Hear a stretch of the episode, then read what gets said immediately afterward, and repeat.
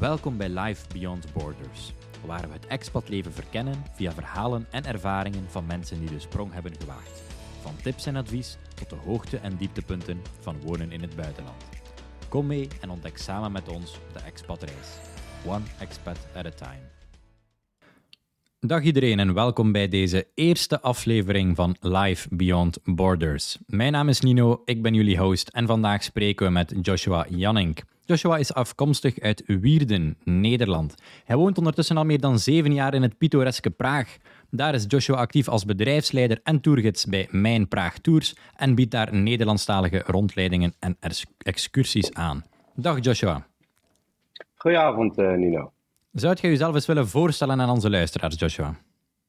Zeker. Uh, ja, je hebt al een kleine introductie gedaan. Mijn naam is Joshua. Ik kom uit een, eh, een klein dorpje uit het oosten van, uh, van Nederland.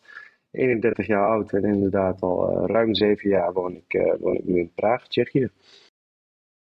Laat ons beginnen bij het begin. Hoe is uw avontuur in Praag van start gegaan? Ja, eigenlijk uh, liefde voor de stad. Ik krijg vaak de vraag uh, voor de liefde, uh, maar dat was wel echt liefde voor de, voor de stad. Um, ja, eigenlijk na mijn studie een halfjaartje op, op reis geweest. vooral wat landen in Zuidoost-Azië gezien toen. Um, maar uiteindelijk ook op de terugweg nog wat, wat steden in Europa meegepakt, waaronder Praag. En ehm, ja, dat was eigenlijk heel apart. Dat had ik nog nooit eerder gehad. Dat ik, ik, ik was aan het solo reizen dat ik rondliep door de stad en uh, eigenlijk mezelf erop trapte dat ik rondliep met een hele grote glimlach op mijn gezicht, terwijl ik in mijn eentje was. Ik denk, ja, dit, dit heb ik eigenlijk niet eerder gehad in een stad. Dus toen, uh, toen ik terugkwam, ben ik eigenlijk gelijk gaan nadenken. Van, ja, wat ga ik doen? Wil ik, wil ik wel in Nederland blijven? Of, uh, of, of ga ik een avontuur aan en naar, naar Praag toe? En ja, zo is het eigenlijk Praag geworden. Ik ben na mijn reis denk ik een, een maandje thuis geweest en toen, toen ben ik naar Praag verhuisd. De valies gepakt en naar Praag vertrokken. En had je dan al, al een job op het oog of eerst verhuisd en dan ter plekke beginnen zoeken? Nee, dat is vooraf gegaan. Ik denk, ik, ik ga gewoon snel een job vinden en dan kijk ik daar ter plekke wel verder wat ik ga doen. Dus ik heb ben eigenlijk gaan werken bij een, een, ja, IT-bedrijf voor de automotive-industrie. dat was van mijn vaste baan. En toen ben ik daarbij in het weekend ben ik, gaan gidsen, omdat ik het leuk vond. Ik ben geïnteresseerd in geschiedenis, dus ik dacht, dan kan ik zo mijn weekend overvullen. Ik ben daar met eentje, dus dan ben je toch nog, ja, dan spreek je mensen, ben je bezig. Dus ja, eigenlijk met de twee banen tegelijk daar, daar aan de slag gegaan. Mm -hmm. En van het, van het een kwam het dan het ander. Uh, uiteindelijk zelf dan mijn Praagtours begonnen. Hoe is dat van start gaan, zeg maar? Van waar kwam dat idee? Ja, ik ben dus uh, met de andere Nederlander in contact gekomen. Voordat ik daar naartoe ging, dat was Dennis. Eh, die was net gestart met mijn Praagtours, terwijl hij zelf werkzaam was bij een, uh, bij een fietstoerbedrijf. Um, dus ik ben eigenlijk met hem daar, daarvoor gaan gidsen. En ja, eigenlijk zo samen besloten om, om een eigen zaak te gaan openen. Dus gewoon een beetje onprofessioneel. Fietsen huren bij een bedrijf en dan daar de fiets de stad. En dat ging lopen en toen hebben we eigenlijk zijn we een zaak gaan openen. Ehm, dat was ongeveer, denk ik, dat we een eigen kantoorpand hadden. Ik denk dat ik toen ongeveer negen maanden in Praag was. Ja. Mm -hmm. En hoe, hoe ziet die evolutie er dan uit van fietsen huren zelf bij een bedrijf naar nu eigen stek, eigen fietsen, eigen werknemers? Ja, het, het begon. Um, het ging gewoon gelijk heel goed. Dus we hadden veel aanmeldingen voor de tours. En op een gegeven moment betaalden we zoveel voor de fietshuur bij een ander bedrijf. dat we dachten, we kunnen hier makkelijk een eigen pandje van, uh, van gaan huren. Um, toen een, een, lening gekregen. Uh, dus om, om uh, zelf fietsen aan te schaffen. Dus we hebben gelijk 60 fietsen gekocht. En ook een tourbedrijf uitgekocht die in dat pand zat. Ze hebben nog een deel van hun business voor de eerste paar jaar overgenomen. Zij hadden namelijk ja, problemen in Praag vanwege een Segway-band. Zij deden vooral Segways, maar we hebben dus een bandentour bij overgenomen. En zo is het eigenlijk geleidelijk aan gaan groeien. Dus dat was nog op het begin met z'n tweeën tours geven. Toen een eerste werknemer. Nou ja, en dan eigenlijk op, die manier uit gaan breiden. Meer tours bedenken. Um, en ja, best wel snel gegroeid eigenlijk tot waar we nu, nu zijn. En hoe hebben jullie jezelf op de markt gezet? Wie een, website, misschien ter plekke flyertjes uitdelen, misschien een samenwerking in België of Nederland met, met, toeristische, met toerismebedrijven? Ja, eigenlijk uh, het begint met een eigen website. Dat is een beetje de basis. En daarna gaat het wel vooral je netwerk. Ehm, dus wij hebben wel de, de filosofie dat uh, flyer en, en, dat soort dingen bij hotels, dat is een beetje ouderwets. Veel van die dingen die komen in de prullenbak terecht. Uh, dus ja, we gingen op het begin heel doelgericht op Nederlanders. daar begonnen we mee. Maar daarna eigenlijk ja, goede contact leggen in de, in de reisbranche. dus je moet partijen hebben die jou verkopen. Dus dan kun je denken aan, aan individuele reisbureautjes. Uh, gewoon een, een los reisbureautje in, in, een dorp tot uh, de grote organisaties als Sunny Vakanties, TUI uh, en, en andere soorten resellers. En uiteindelijk ook ja, grote ticketbedrijven als Get Your Guide, TripAdvisor. dat zijn grote, grote jongens. Ja. Mm -hmm.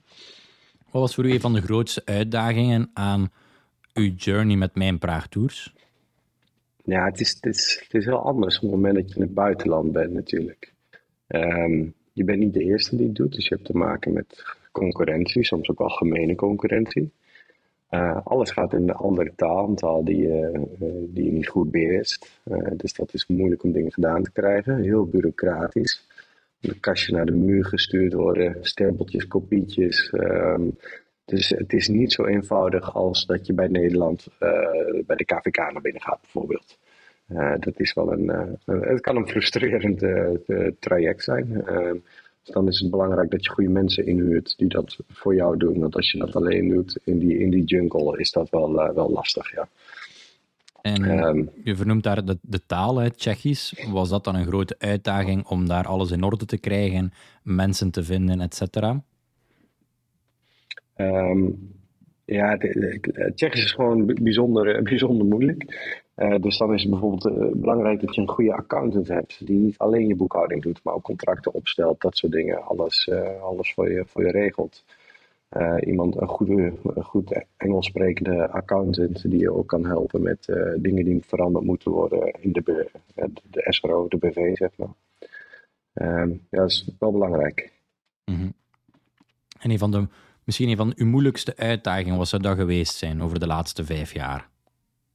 Covid.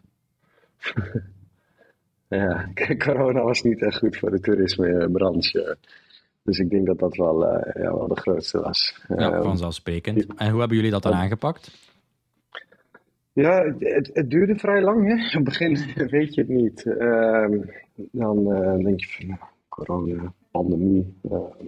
Een virus, nou, het zal uh, met een paar maanden overgaan. Je vertrouwt, vertrouwt dan toch een beetje ja, op, de, op de kennis van andere mensen. Hè. We, zijn, we zijn 2023, dus de wetenschap is uh, wel zo ontwikkeld dat ja, daar vertrouwen. We dachten, een paar maandjes gaat wel goed. Huur doorbetalen, we hebben hard gewerkt, zie het als een maandje vakantie. Maar dat ging maar door en dat ging maar door. En, ja, we hadden geen boekingen en de kosten liepen wel door. We wilden ook het pand niet kwijt. Het is niet makkelijk om een pand te vinden. We hebben een groot pand waar alle fietsen in staan. Dus ja, dat was gewoon uh, al je spaargeld opmaken en uh, geld lenen eigenlijk. Uh, zo, lang heeft het wel geduurd, ja. Dus dat, ja, dat is wel de grootste challenge geweest. Twee jaar lang eigenlijk, ja. En nu zien jullie dan weer dat het toerisme terugkomt, die boekingen komen weer terug en dergelijke. Hoe was die shift dan weer van moeilijke periode, COVID ligt achter de rug, er is weer ademruimte. Hoe heb je dat ervaren? Ja, dat is uh, een beetje alsof je weer vanaf uh, nul begint natuurlijk. Dus in 2019 heb je een, een team gidsen. die kun je allemaal niet vasthouden. Op een gegeven moment hebben die los moeten laten. Dus dan was het echt weer opstarten Dennis en ik die weer met z'n tweeën uh, alle tours gingen aanpakken. En zo langzaam aan weer mensen, mensen kunnen aannemen, gelukkig. Dus het, loopt nu wel goed. Um, voor ons was het ook een, een, challenge dat we net nog eens twee zaken hadden geopend op 1 maart 2020. Dat was in Krakau en in Wenen, zo'nzelfde concept. Het was ook daar nog kosten draaien. Um, dus ja, dit, uh, dat was COVID. Was COVID eindelijk voorbij, begon er een oorlog in Europa. Dat heeft ons heel veel boekingen gekost in, um, in, in Krakau. Omdat ja, was vrij dicht bij, uh, bij Oekraïne. Dus dat, dat schrikte mensen eraf. Dus we zijn er niet helemaal overheen, moet ik zeggen. Maar het is wel aan, aan, het, aan het herstellen. Ja, toerisme is gelukkig aan het, aan het herstellen. Uh, Krakau loopt nog een beetje achter, maar hopelijk gaat dat dit jaar wat beter worden. En Joshua, je geeft aan ook een, een vestiging in, in Wenen en in Krakau. Hoe, hoe is dat van start gegaan? Ehm, ja, ik, ik, eigenlijk, ik vond Krakau heel leuk. Um, ik vond het een prachtige stad met heel veel interessante uh, historie. Um, zelf nou geïnteresseerd in de Tweede Wereldoorlog en dat is, ja, er is natuurlijk enorm veel gebeurd. Dus eigenlijk ja, zo op het idee gekomen om, om ook eenzelfde concept in, uh, in Krakau te doen. Eh, te stappen. En in Wenen is eigenlijk uh, ja, de zwager van mijn businesspartner. Die is nog in Wenen geboren. Zijn familie komt er vandaan. Die zijn in Nederland opgegroeid. Maar dat was dus voor hen een, een, logische stap om, om Wenen bijvoorbeeld te beginnen. Dus toen zijn we naar mogelijkheden gaan kijken, met onze partners gesproken of, of, of zij ons daar bijvoorbeeld ook willen aanbieden. Dus is dat zo, zo van stap gegaan. En daar zijn het dus ook fiets- en, en wandeltours?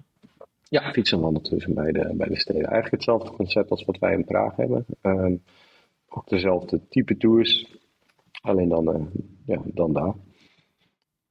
Ja, zeer, zeer leuk.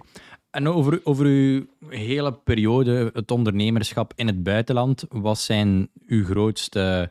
Welk, wat zijn de zaken die, waar jij het meest hebt van geleerd?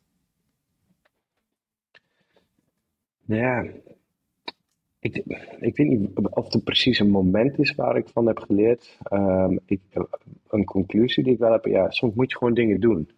Um, het, is, het is allemaal best eng, hè? Uh, verhuizen naar het buitenland. Uh, als je wat wil, je, je, leven. Ja, ik, ik kom uit een dorp. Het was voor mij daar zeker na die lange reis. Um, dan, dan word je de ene dag word je wakker op het strand en de andere dag word je wakker met, met, een uitzicht over Bangkok bij wijze van. Dan kom je weer in je dorpje. De muren kwamen op me af. Natuurlijk is het dan eng om te gaan. Met je familie, je vrienden.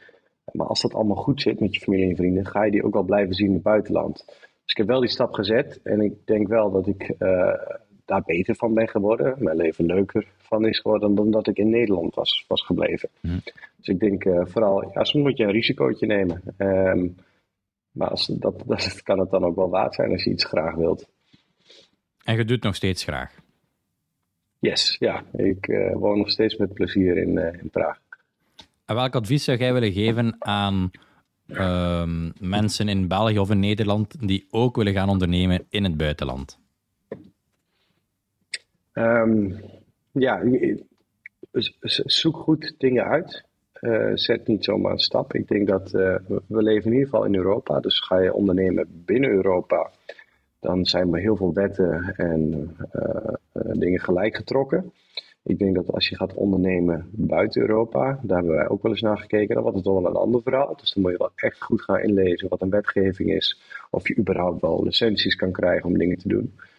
Um, maar als je gewoon wil gaan ondernemen in Europa, ja, ik denk dat het vooral, mijn advies is, volg je hart. Wil je iets graag? Um, zoek naar mogelijkheden in plaats van, uh, je, gaat altijd tegen dingen aanlopen, uh, maar laat je dat niet uit de weg slaan. Denk je dat het voor u anders zou geweest zijn ondernemen in Nederland of ondernemen in Tsjechië? Um, ja, ja, sowieso anders. Ja. Ik denk dat dit uitdagender is. Ook wel wel leuk. Ik merk ook van, uh, van andere ondernemers in Nederland, die wij bijvoorbeeld op de tour uh, hebben, dat ze toch altijd wel een beetje respect voor hebben. Hè? Dat je zo stoer bent om dat uh, buiten je eigen land te doen. Want hulp vinden is gewoon makkelijker in Nederland. Je, dingen uitzoeken, dingen regelen. Um, je hebt te maken met mensen met een andere mentaliteit. Uh, een Nederlander die vertrouwt je altijd totdat het verkeerd gaat. En een Tsjech die kijkt eens de kat uit de boom. Dus met zaken doen loop je tegen dingen, dingen aan. Dus dat is zeker anders. Ja. Maar ik zeg niet per definitie moeilijker of slechter. Het is gewoon um, zoek gewoon goed uit wat je, wat je gaat doen. Nee, nee, zeker en vast. Het is natuurlijk, ja, zoals gezegd, andere taal, andere mentaliteit, uh, volledig andere cultuur. Het is mhm. natuurlijk deel, deel van uw, uw job om Praag een beetje te, te verkopen, zeg maar. Maar wat maakt voor u Praag zo mooi? Waarom bent je verliefd geworden op Praag? Waarom vind je het nog steeds zo'n topstad? Ja, een, een, paar dingen. Ehm, het is een prachtige stad. Het is denk ik een van de meest mooie authentieke steden uh, binnen Europa. En Europa heeft heel veel prachtige steden, maar het is hier super schoon op straat. Uh, de, historie is, zie je overal om je heen. Misschien zelfs een beetje ondergewaardeerd. Het, het, komt nog niet zo vaak in de films voor dan Parijs en Londen bewijzen van. maar daardoor is vaak voor mensen die, die zijn nog positiever verrast. Dus de schoonheid van de stad. Wat ik ook heel leuk vind, is dat het, is enorm veilig. Ik bedoel, ik kom uit een dorp in Twente, uit Twente. Het is niet dat ik daar paranoia over straat liep. Echt niet. Uh, dat is ook super veilig. Maar ja, in een hoofdstad in Europa, uh, um, pak in Amsterdam, uh, ja, dan zie je toch wel meer gebeuren op straat. Hier, um, ja, hier zie je nooit vechtpartijen. Um, ik, ik, ja, zakkenrollers bijna niet. Ik zit in toerisme, dus ja, dat is de doelgroep voor de, voor de zakkenrollers, de toeristen die bij ons op de tour komen. Maar ik heb nog bijna nooit gehoord dat er iemand uh, gerold is, bijvoorbeeld. Ja, dat is wel leuk. Het is een, uh, wat dat betreft heel gemoedelijk. Uh, dus dat vind ik ja, mooi aan, in Praag. Wat was uw favoriete plek in Praag? Uh, Vyšehrad. Ehm, dat is een, oud fort. Ehm, veel historie, een van de eerste plekken binnen, binnen de stad. maar nog niet zo druk bezocht. Dus niet te veel toeristen die naartoe gaan. Um, dus uh, ja, heel kalm. Um, ja, een soort kleine, kleine burcht waar, uh, de eerste koning en zo hebben gewoond. Dat, dat vind ik denk ik een van de mooiste plekken.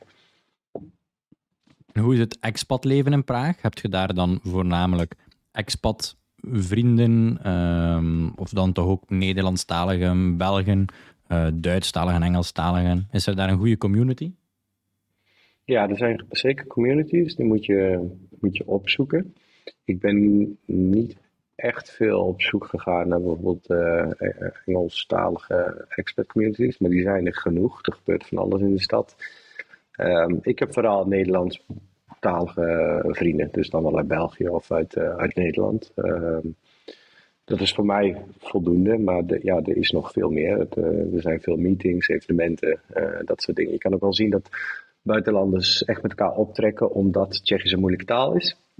Um, en natuurlijk, ja, jij komt Tsjechië binnen. De Tsjech die je ontmoet, die heeft misschien al wel vrienden die hij tien jaar kent. Ja, dat, die, die gaat jou daar niet per se tussen laten. Uh, hoe interessant je verhaal ook is, bewijs van.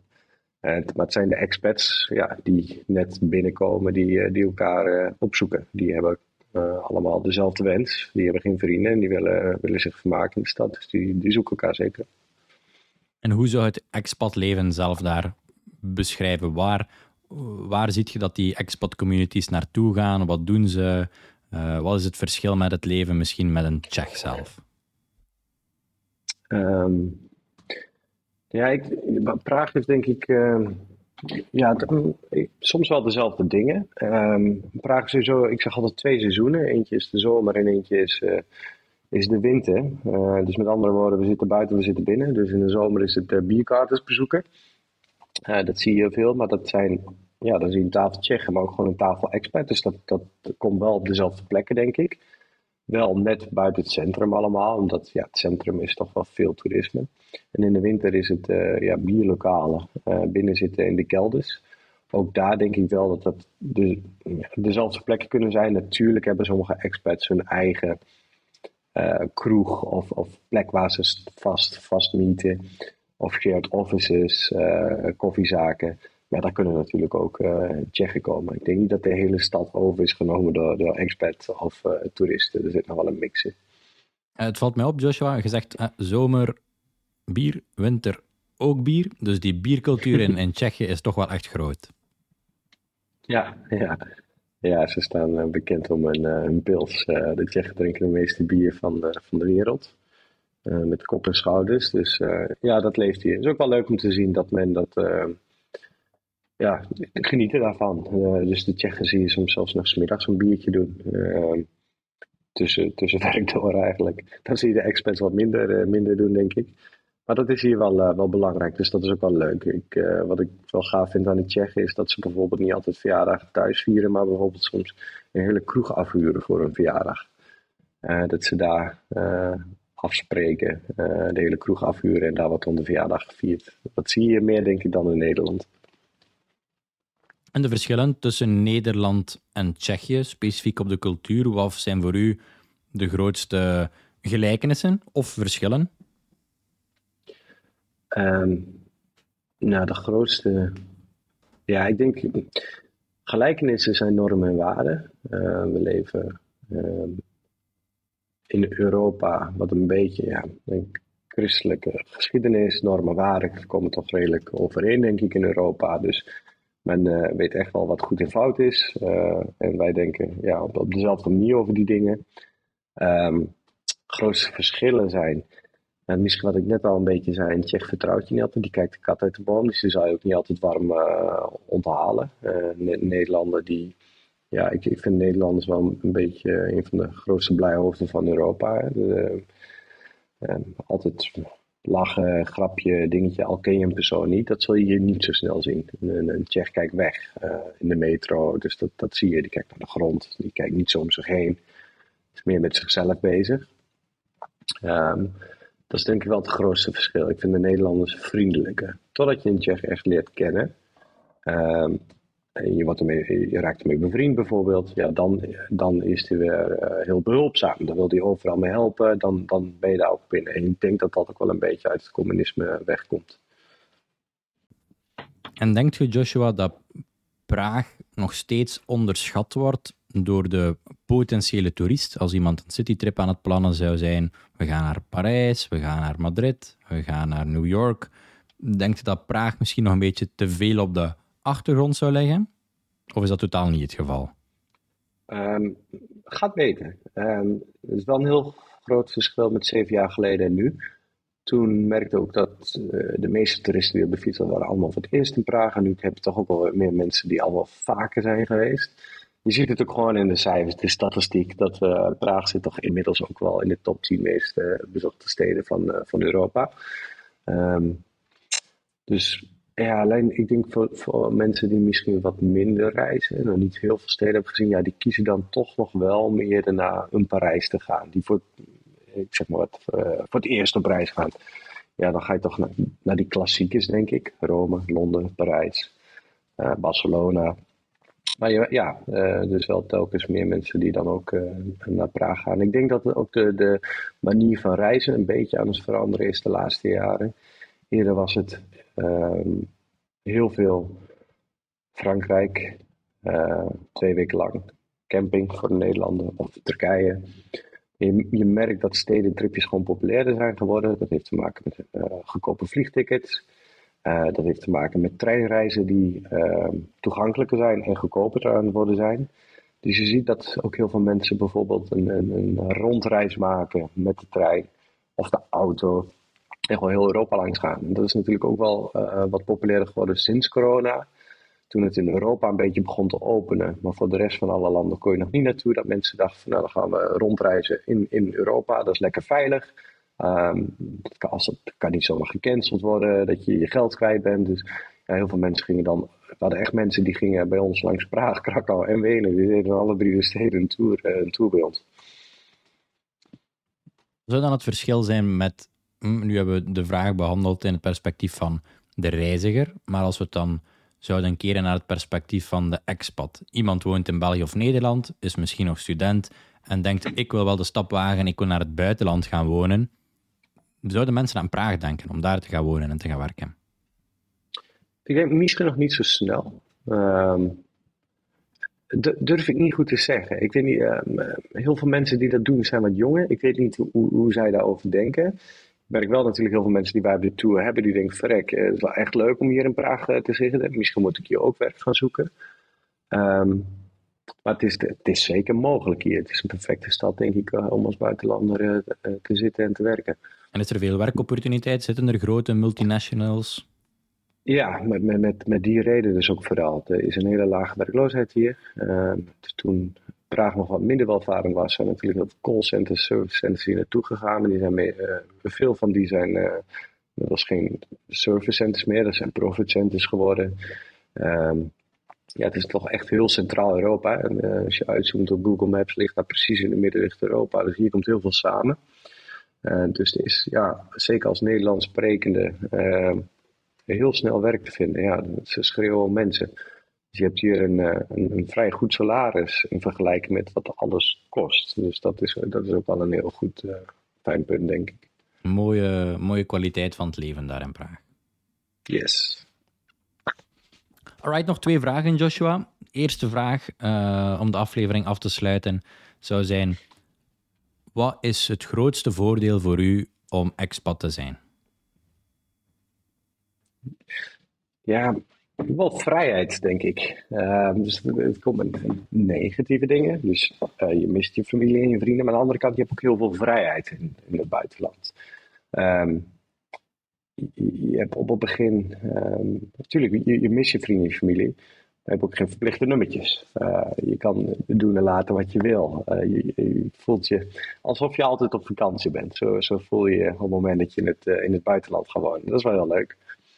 Het is avontuurlijk. Ja, um, het is heel anders dan dat je al je hele leven lang op één plek bent opgegroeid. In zo'n grote stad in het buitenland ontdek je toch altijd weer wat nieuws. je leert veel van andere mensen.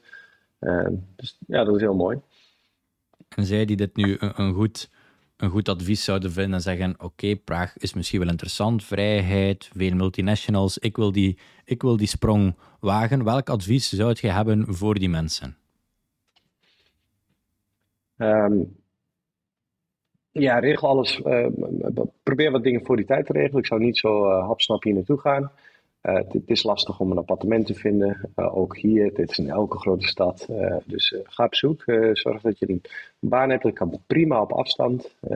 je kan echt vanuit Nederland een, jobinterview krijgen. Um, zorg ervoor dat een, een bedrijf jou helpt met relocaten. Um, dus uh, die misschien even kan helpen met een appartement of, of, of uh, je bank regelen, dat soort dingen. Dan ga je met een gerust gevoel hier naartoe. En op het moment dat je dan hier bent, heb je geen stress en dan kun je gelijk genieten. Super, hartelijk dank voor, uh, voor de tip en hartelijk dank ook voor, voor uw aanwezigheid hier vandaag, Joshua. Ja, ik bedank Nina. Ook een welgemene dankjewel aan alle luisteraars die de eerste aflevering van Live Beyond Borders volledig hebben uitgeluisterd. Gelukkig konden we luisteren naar het interessante verhaal van Joshua, die op jonge leeftijd verhuisd was naar Praag om daar een zelf een bedrijf te gaan beginnen in toerisme, genaamd Mijn Praag Tours. Het bedrijf groeide uiteindelijk door naar drie vestigingen ondertussen: Praag, Krakau en Wenen enkele moeilijke challenges. Uh, natuurlijk tijdens de ondernemerschap journey, waaronder COVID, hè, harde hit. Um, was toch even aanpassen voor Joshua en team, maar ondertussen weer aan het herstellen. Joshua geniet van de stad, geniet van de cultuur, geniet van de historie en geniet natuurlijk ook van zijn biertje. Volgende week gaan we in gesprek met Patrick Riedberg. Hij is actief als account executive bij Amazon Web Services in Madrid, Spanje. We gaan het hebben over carrière maken in de tech-industrie, dus het wordt zeker en vast een interessante aflevering. Dit was het voor deze aflevering van Live Beyond Borders. Bedankt voor het luisteren. We hopen dat u heeft genoten van deze verhalen en ervaringen. Tot volgende week bij een nieuwe aflevering waar we samen de wereld verkennen.